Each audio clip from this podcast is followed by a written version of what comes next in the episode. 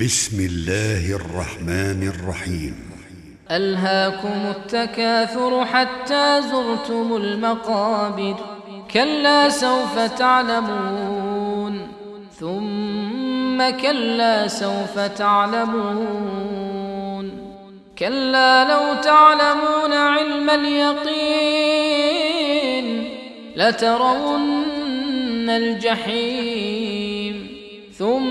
لترونها عين اليقين ثم لتسألن يومئذ عن النعيم